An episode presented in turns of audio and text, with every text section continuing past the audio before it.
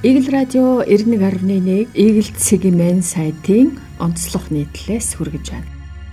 Саран гэрлийн огцролт ба улс төрдөх шин жишг. Амарчаад удаагүй ээж нэрээд хүнлэг бус хандсандаа хүлцэл өчөж цардахлын үед засгийн газар бүрэн бүрэлдэхүүнээрээ огцорч байсныг уншигчид сонсогчид мартаагүй баг.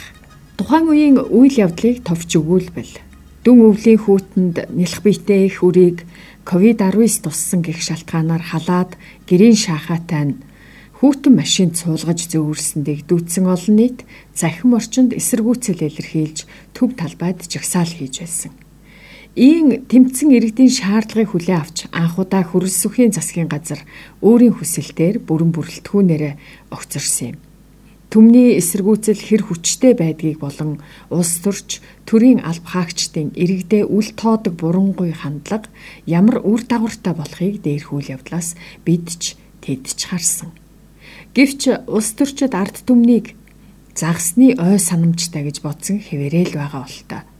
Тодруулбал өчигдөр нийгмийн бодлогын байнгын хорооноос зохион байгуулсан халамжаас хөтөлбөрт сэдвтэй хилцүүлгийн үеэр хөдөлмөр нийгмийн хамгааллын сайд саран гэрэл амжиргааны баталгаажих төвшнгөөс доогуур айл өрхийг уулны айл гэж нэрлсэн юм. Түүнчлэн улны гэж нэрлэгдээд байгаа айл өрхийн нэг гишүүнийг өсчөн болгож ядуурлаас ангижруулна гэх агуулгатай илтгэл тавьсан нь олны игдүүцлийг хүргэсэн юм. Түүний уг үйлдэл үг агуулгыг хүмүүс шүүмжилж улны сайд огцор гэх цахим акцч өрнүүлээд байна. Үүнтэй холбоотойгоор өнөөдөр саран гэрлийг хөдөлмөр нийгмийн хамгааллын сайдын суудлаас нь огцруулах захирамжийг ерөнхий сайд оюун эрдэнэ гаргасан болохыг засгийн газрын хэрэг эрхлэх газрын дарга амар баясгалан танилцууллаа. Хөдөлмөр нийгмийн хамгааллын сайдын эл үйлдэл нь Монгол улсын үндсэн хуулийн 14-р заалтыг зөрчиж байгаа гэж үзсэн бол За түүнийг үүрэгт ажиллаас нь чөлөөлөх захирамжийг гаргасан гэдгээ засгийн газрын хэрэг эрхлэх газрын дарга хэллээ. Ийхүү саран гэрэл хөдөлмөр нийгмийн хамгааллын сайдаар томилогдсноос 29 хоногийн дараа ёс зүйн хариуцлага хүлээж огцорч үүрэгт ажиллаа хүлээлгэж өгөхөр боллоо. Ингэснээр тэрээр сайдын албыг хамгийн цөөн хоног хашсан сайдад тооцогдож байна. Улс төрчид ард иргэдийг алагчилж хүнлэг бус хандсандаа хүлцэл өчөж ийн хариуцлага хүлээдэг тогтолцоо манай улсад хамгийн их өгүүлэгдэж байгаа.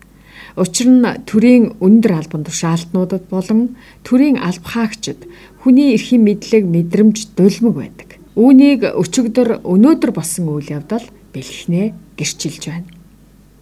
Улны гих доромжлолтой холбоотой эсэргүүцэл маргаан шувтраагүй байхад сангийн яамнаас гаргасан и баримтын суглааны тухай богино хэмжээний видео сурталчилгаа иргэдийн игдүүцлийг мөн л төрүүлээд амжлаа.